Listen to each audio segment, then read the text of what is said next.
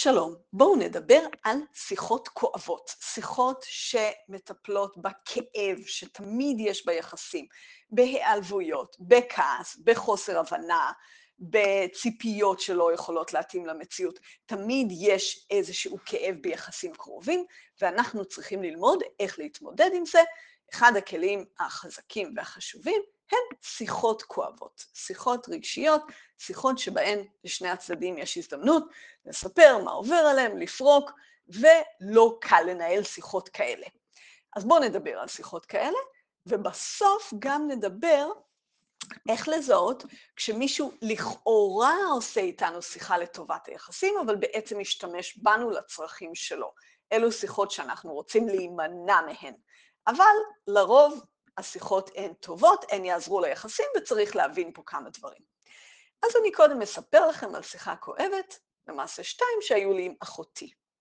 אחותי ואני מאוד מאוד קרובות, מאוד מאוד אוהבות, אה, יש לנו תפקיד מאוד חשוב אחת בחיים של השנייה, ואנחנו גם שונות בהרבה דברים, ולפעמים מצטברים כל מיני דברים. אז לא מזמן היה לי יום הולדת, וקבעתי איתה מראש, ביקשתי מראש שנבלה כמה שעות ביחד, אני מאוד מאוד אוהבת לבלות עם אחותי, גם היא איתי.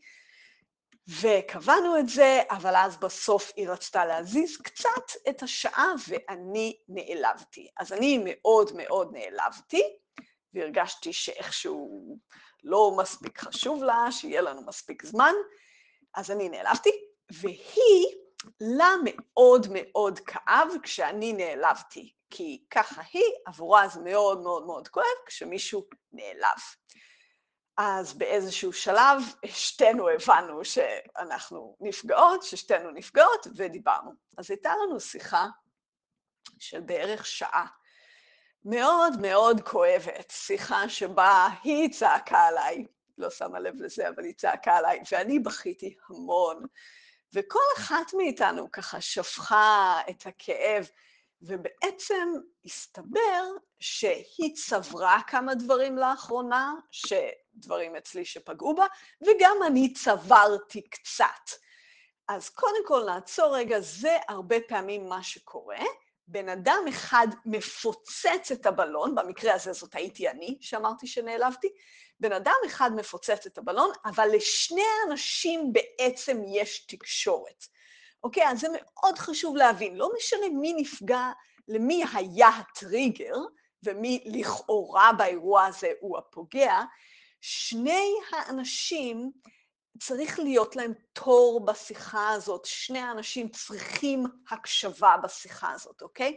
אז לא משנה מי מתחיל את השיחה, שהפעם זאת הייתה אני, אמרתי, אחותי, נעלבתי ממך, אז אני התחלתי, אבל שתינו צריכות את השיחה, חייבים להניח שלשני הצדדים יש כאב.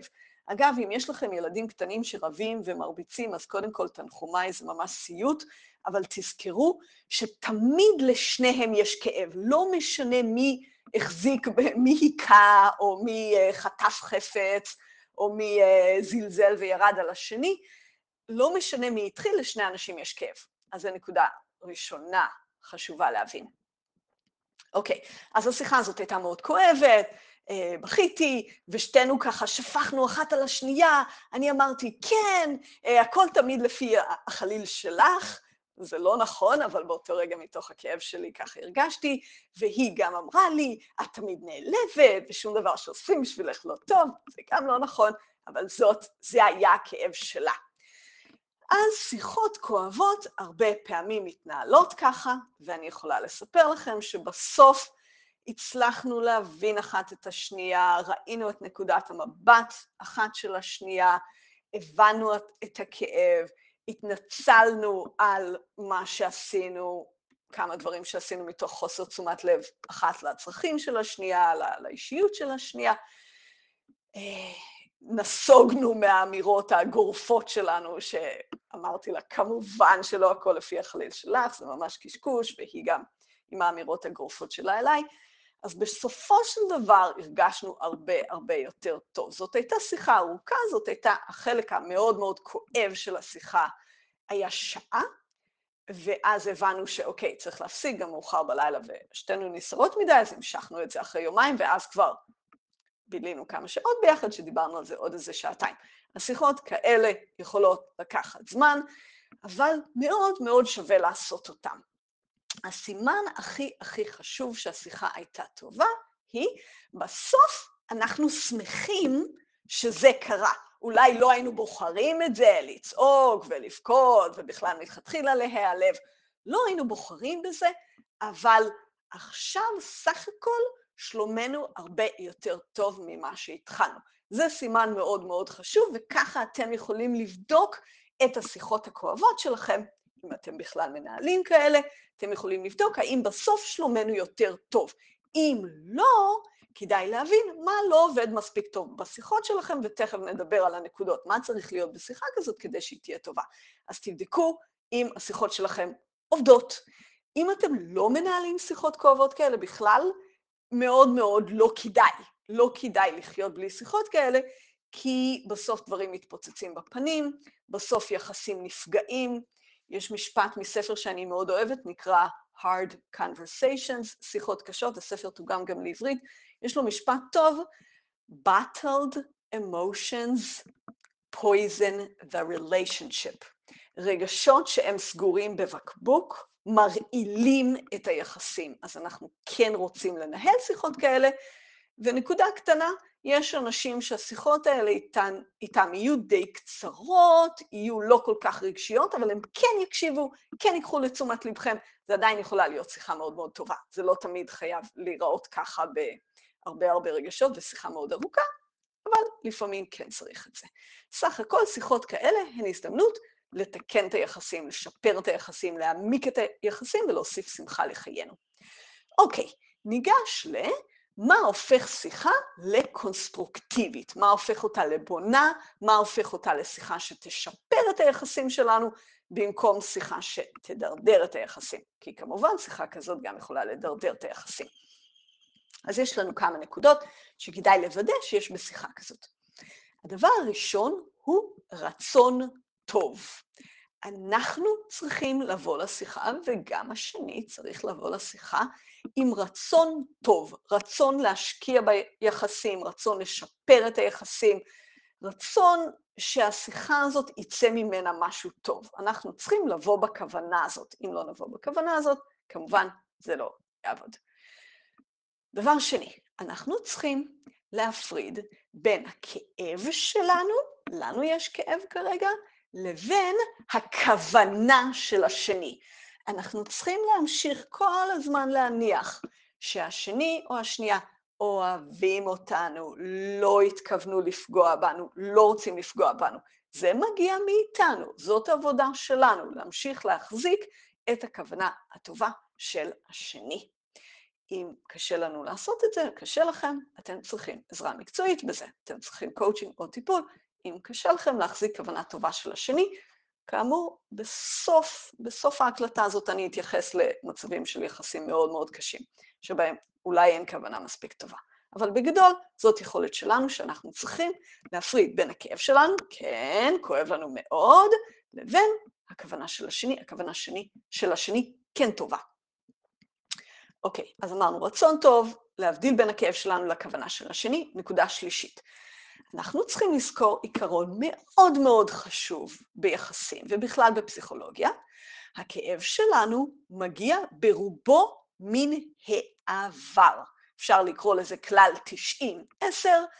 הכאב שלנו, 10% ממנו הוא מעכשיו ו-90% מהעבר. למה אנחנו כועסים? כי קרו דברים מכעיסים וכואבים בילדות. למה אנחנו נעלבים? בגלל דברים שקרו בילדות, בנערות, בגלל דברים שקרו בעבר. הכאב שלנו מגיע מהעבר. עכשיו מה שהשני עושה הוא מושך טריגר. טריגר זאת החתיכה הקטנה הזאת באקדר, באקדח, שהטריגר עצמו הוא דבר קטן, אבל אז כל המנגנון מופעל. אז ברגע שאחותי הזיזה את הדייט שלנו בקצת, זה היה טריגר שהוציא הרבה הרבה כאב שלי מהעבר. ברגע שאני נעלבתי, גם זה היה טריגר עבורה להוציא הרבה הרבה דברים מהעבר. בגלל זה טוב לעשות טיפולים, בגלל זה טוב לעשות סדנאות, בגלל זה טוב לעשות פסיכודרמה, בגלל זה טוב לעשות כל עבודה של התפתחות אישית, כי אנחנו לאט לאט מנקים את הטראומות של העבר, את האירועים של העבר, זה לא חייב להיות דברים גדולים, יכול להיות גם דברים קטנים יוצרים טראומות, ואז לאט לאט הטריגרים של העולם ושל יחסים ושל מציאות ושל אנשים פחות ירסקו אותנו, פחות יעלו כל כך הרבה כאב. אוקיי, אז אנחנו צריכים לזכור את העיקרון. הכאב שלנו מגיע רובו מהעבר. למה זה חשוב בשיחות כאלה? אז מצד אחד, כן, הכאב שלנו ממשי, הכאב שלנו חזק, אחותי צעקה, אני בכיתי, כן, יש כאב, אבל אם אנחנו זוכרים שהכאב שלנו הוא ברובו מהעבר, אנחנו שמים פחות האשמה על השני. אני לא באמת מאשימה את אחותי בכאב העצום. כן, היא עשתה משהו קטן, אבל כדי שהשיחה הזאת תהיה טובה, אני צריכה לזכור שמה שקרה עכשיו איתה הוא רק טריגר. אוקיי, זה עיקרון מאוד מאוד חשוב. אם יש לכם שאלות על זה, או צריכים עבודה על זה, אז, אז כדאי לגשת לדבר הזה. הדבר הבא הוא, אנחנו צריכים נכונות להקשיב לכאב של השני. אנחנו צריכים הקשבה לעצמנו, אבל זה די ברור לנו בדרך כלל. אנחנו צריכים לזכור שהשני צריך את ההקשבה שלנו לכאב שלו, ההקשבה שלנו תרפא אותו. יכול להיות שאנחנו מרגישים, סביר להניח שאנחנו מרגישים מותקפים. היא הרגישה מותקפת כשאני נעלבתי. אני הרגשתי מותקפת כשהיא אמרה שאני תמיד נעלבת ותמיד דברים צריכים להיות איך שאני רוצה. אז כל אחת מאיתנו איפשהו מרגישה מותקפת, ואנחנו צריכים לזכור שכן, אנחנו צריכים הקשבה לכאב שלנו, וגם השני צריך הקשבה לכאב שלו. אז זה איזה עיקרון מאוד מאוד מאוד חשוב. כולנו צריכים הקשבה. כאמור, גם עם ילדים קטנים שרבים, כולם צריכים הקשבה, כולם צריכים חיבוק. שני הילדים, גם הלכאורה פוגע בלכאורה נפגע, זה תמיד דינמיקה משותפת. אנחנו צריכים הקשבה, והקשבה לכאב היא מרפאת. תחזיקו את זה ותזכרו את זה. כשאנחנו היינו בתוך השיחה הכואבת הזאת, מצד אחד כאב לי ובכיתי מאוד, ומצד שני בצד היה לי קול קטן שאמר יופי יופי, זה מאוד מאוד טוב ליחסים שלנו. אז תחזיקו את זה, שזה טוב להקשיב לכאב. עכשיו, עוד דבר שאנחנו צריכים, אנחנו צריכים נכונות לראות את נקודת המבט של השני.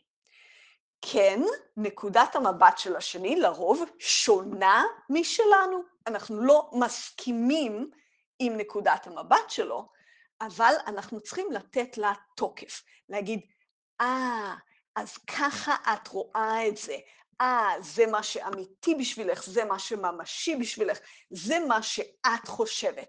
אנחנו חייבים להעריך ולקבל את נקודת המבט של השני.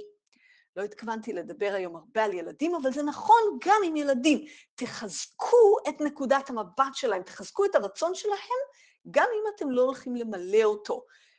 אז ילד בוכה, ואתם תחזקו את זה, כן, אתה נורא נורא רוצה לאכול את כל החבילת שוקולד, או אתה נורא נורא רוצה עכשיו לראות טלוויזיה כל היום. אז אנחנו לא ממלאים את הרצון, אבל אנחנו נותנים תוקף לנקודת המבט שלו, ובטח עם מבוגר. אז אני לא חושבת שזה כל כך פוגע אם מישהו קצת נעלב, אבל אני נותנת תוקף שעבור אחותי זה דבר מאוד מאוד גדול אם מישהו נעלב ממנה. אוקיי, אז אמרנו רצון טוב. יכולת להפריד בין הכאב שלנו לבין הכוונה הטובה של השני. לזכור את העיקרון שהכאב שלנו הוא מהעבר, נכונות להקשיב לכאב של השני כי ההקשבה היא מרפאת, נכונות לראות את נקודת המבט של השני, ויש עוד שני דברים שיהפכו את השיחה לקונסטרוקטיבית.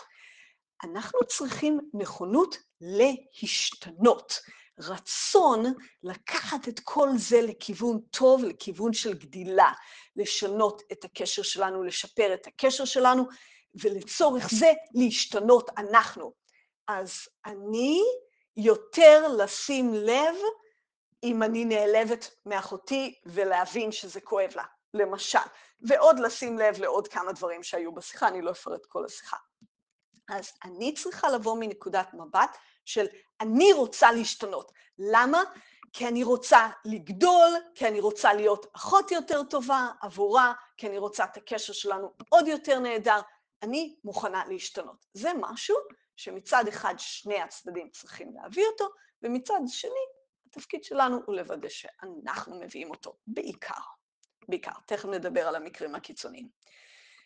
ואחרון, עוד נקודה חשובה, אנחנו צריכים לנסות להבין מה יתקן את המצב עבור השני, מה יתקן את הסיטואציה, מה ישפר, בעצם קרה פה איזה אירוע לא טוב, מה הוא צריך, מה הבן אדם השני צריך.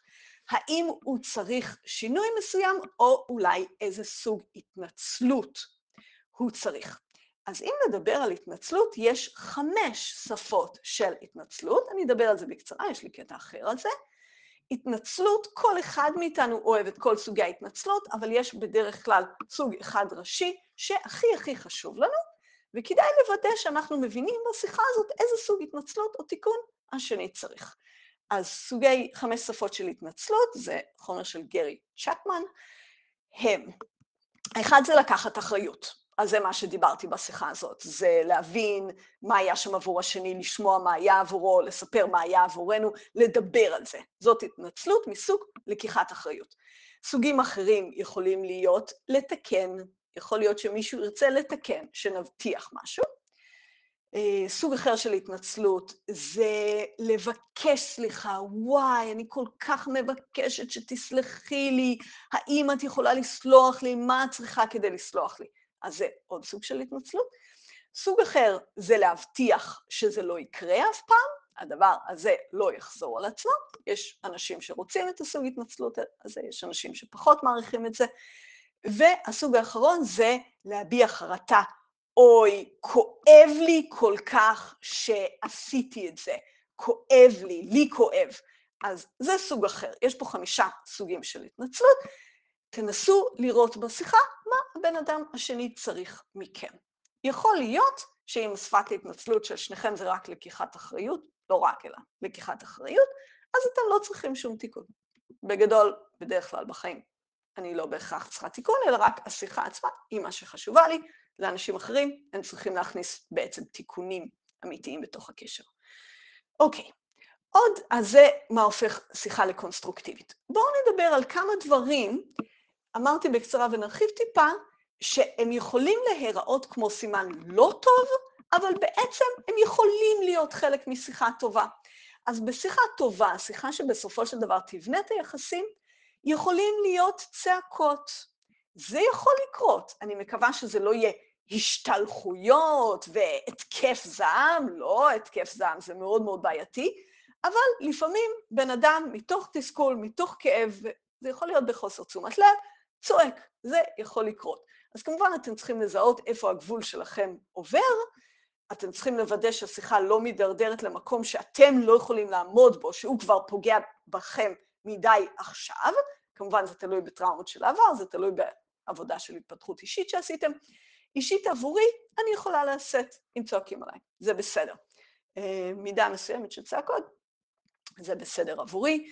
אה, גם בכי הרבה פעמים יהיה בשיחה שהיא בסוף תהיה טובה, אבל יהיה בה בכי.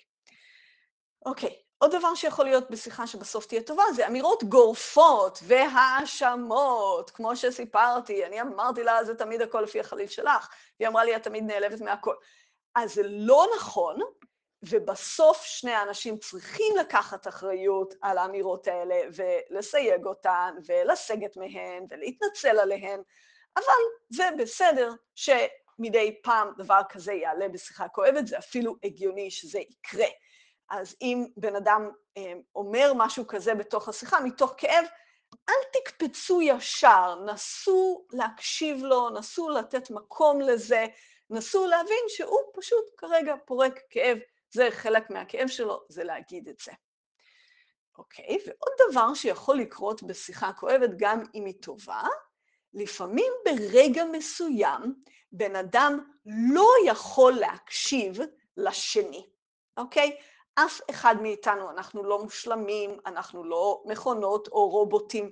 מדי פעם אחד מגיע לקיבולת המקסימלית שלו. זה קורה לכל בן אדם, זה קורה לי אישית, ואז צריך לראות מה עושים עם זה. האם עושים רגע הפסקה בכלל מהשיחה, או עוברים תור, למשל, היה לי בן זוג שהמון פעמים היו לנו כאלה פיצוצים בשיחות, הקשר שלנו היה ממש רצוף בזה, אה, והמון פעמים הייתי אומרת לו, טוב, אני צריכה הפסקה חמש דקות. אה, או שעכשיו אתה תקשיב לי, או שאני צריכה הפסקה, אוקיי? אני כרגע לא יכולה להקשיב לך. אז זה מאוד מאוד לגיטימי להגיד דברים כאלה, ולפעמים צריך הפסקה, או מההקשבה, ואז מחליפים תור, או בכלל מהשיחה. מאוד מאוד חשוב להבין שכל בן אדם צריך להקשיב רק לפי הקיבולת שלו. גם אם הקיבולת שלכם גבוהה, לפעמים אתם צריכים הפסקה. יש לי מאמר שלם אחר וגם הקלטה על איך לנהל את השיחות כאלה, מה ממש יהיו הצעדים, זה כבר לא ניכנס לזה בהקלטה הזו. עכשיו, לקראת סיום, אנחנו רוצים לדבר על מקרים קיצוניים בהם השיחות האלה לא טובות ליחסים, ולמעשה היחסים לא טובים, ומאוד לא כדאי לנו להיות בשיחות כאלה. אז בבסיס אני רואה אה, שיחות כואבות ומישהו שמתחיל לצעוק או לבכות או משהו כזה, אני רואה את זה כהשקעה ביחסים. אם אחותי אומרת לי, או כל בן אדם אחר, הילדים, לקוחות, כל בן אדם אומר לי שמשהו כואב לו במה שאני עשיתי, בן אדם בא אליי בעצם באיזה האשמה, אני משתדלת תמיד לקחת את זה לחיוב. אה, היחסים שלנו חשובים לו, אה, הוא רוצה להשקיע ביחסים שלנו, הוא רוצה שהיחסים יהיו יותר טובים. אז בגדול, וכמעט תמיד, אני רואה שיחות כאלה כואבות בתור רצון להשקיע ביחסים. מאוד מאוד נדיר שאנשים פועלים מתוך רוע נטו, הם ממש ממש באים להזיק. הם רוצים לשפר את היחסים. אבל לפעמים, גם אם בן אדם רוצה לשפר את היחסים, הוא במצב רגשי רע, אה, רע מדי. הבן אדם הזה סובל מאיזה שהן הפרעות אישיות שהן פשוט חמורות מדי. והיחסים שלנו לא באמת יוכלו להיות ממש טובים, או לפחות לא נוכל לגשת לנקודות הכואבות האלה בצורה טובה. אוקיי? יש אנשים, לא בגלל הרצון שלהם, אלא יותר בגלל היכולת שלהם, הרגשית, השיחות האלה לא יהיו טובות, הן לא יעזרו, ובעצם בפועל הבן אדם הזה משתמש בנו לצרכים שלו. הוא משתמש בנו כדי לפרוק את הכאב שלו, את הכעס שלו, את ההיעלבות שלו, כדי להרגיש יותר טוב הוא, שהוא ירגיש יותר טוב, או היא, אבל זה לא הולך לשפר את היחסים. התור שלנו לא יגיע, הקשבה אלינו לא תגיע, זה פשוט לא הולך לעבוד.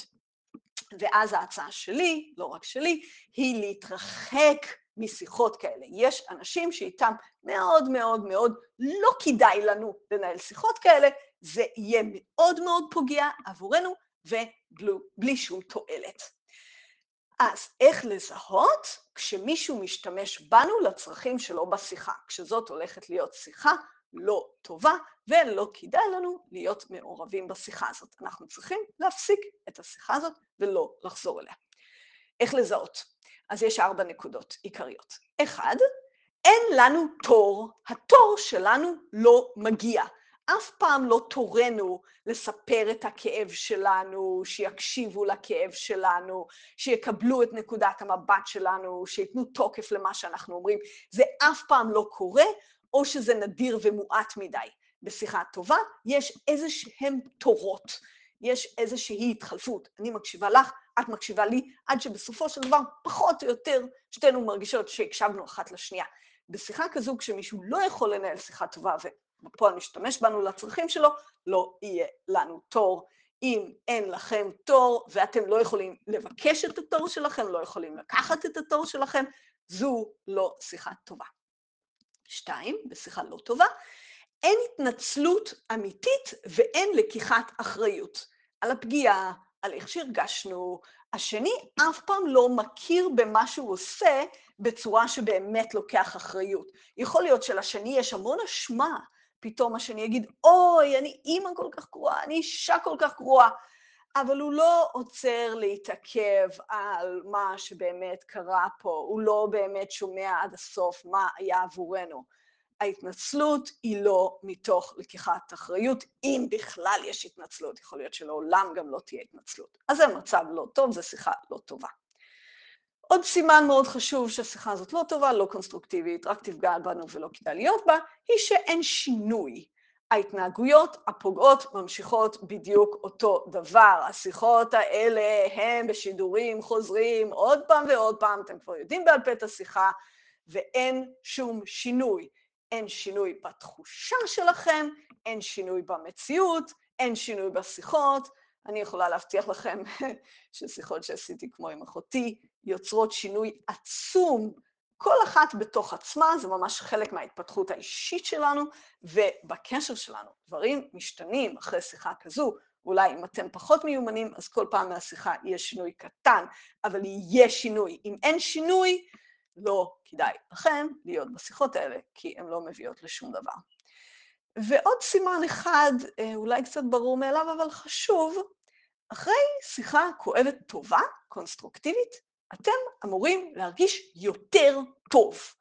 לפחות קצת יותר טוב. אולי זו רק שיחה אחת מתוך סדרה של שיחות שתצטרכו לעשות, אולי התחלתם טיפול זוגי, ובעצם הנושאים האלה, יש עוד הרבה להיכנס אליהם ויש פה עוד הרבה עבודה, אבל כבר אתם מרגישים קצת יותר טוב, אתם מרגישים איזושהי הקלה מעצם זה שהקשיבו לכם, אתם מרגישים ששמעו אתכם, אתם מבינים יותר טוב את הבן אדם השני, יש פה שינוי. זה סימן מאוד מאוד חשוב. אם אין שינוי בתחושה, השיחה הזו לא טובה. ואם יש כמה שיחות כאלה שבהן אין שינוי, אז אתם יודעים שלא כדאי לנהל את השיחות האלה עם האדם הזה. אז בואו ניקח קצת לסכם את מה שדיברנו. שיחות קשות וכואבות יכולות להיות צעד מאוד מאוד חשוב ומאוד מאוד טוב ביחסים. אנחנו צריכים לוודא שאנחנו עושים את השיחה הזאת בצורה קונסטרוקטיבית. אז אני נתתי כאן סימנים איך לזהות שהשיחה קונסטרוקטיבית, יש לשני הצדדים רצון טוב, יכולת להפריד בין הכאב שלנו לבין הכוונה הטובה של השני, אנחנו שנינו זוכרים את העיקרון הבסיסי שהכאב שלנו מגיע ברובו מהעבר, מה שהשני עשה הוא בעיקר טריגר. אנחנו שנינו נכונים להקשיב לכאב של השני, הקשבה היא מרפאת, יש לנו נכונות לראות את נקודת המבט של השני, לתת לה תוקף גם אם היא סותרת את נקודת המבט שלנו, אנחנו מוכנים להשתנות, ואנחנו מוכנים ורוצים להבין מה יתקן את המצב עבור השני. יש חמש שפות של התנצלות, ואנחנו מנסים להבין איזו התנצלות השני צריך.